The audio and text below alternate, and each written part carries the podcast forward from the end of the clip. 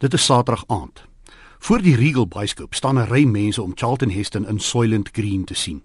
Vlieger het dit reeds gesien en daarvan gehou, veral die einde waar Charlton Heston Soylent Green is people skree en doodgaan. Vlieger sit in die Wimpy bar. Liz is laat. Hy wonder waar sy kan wees. Oor die luidsprekers bo sy kop speel Mike Oldfield se Tubular Bells. Vlieger se geliefkoeste deel begin, 'n man wat sê two slightly distorted guitars en twee gitare wat die amper eentonige deentjie saam met die ander instrumente begin speel. Wil Bas iets om te drink? Die kelner dra 'n wit hemp, 'n swart terelien broek en 'n rooi onderbaadjie. Dis die eerste keer ooit dat iemand vlieger baas noem. Swart mense noem hom altyd basie of klein baas.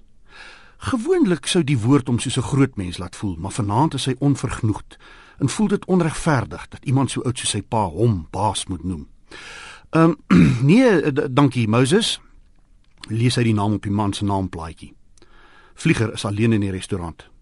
Die blonde vrou agter die toonbank kyk van haar fotoboekie op en vat 'n trek aan die sigaret in die asbakkie op die toonbank. Ek uh, ek wag vir iemand, sê Vlieger woorde wat hy iewers gehoor het.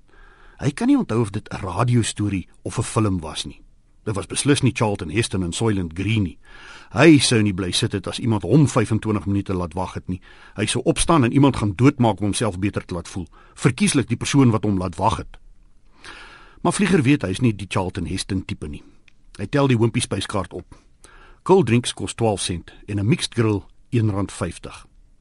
As Vlieger se pa by was, sou hy opgestaan het en die vrou agter die toonbank gevra het hoekom die spyskaart net in Engels was. Maar Vlieger weet dat as die spyskaart in Afrikaans was, niemand sou geweet het wat 'n oligargie beteken nie.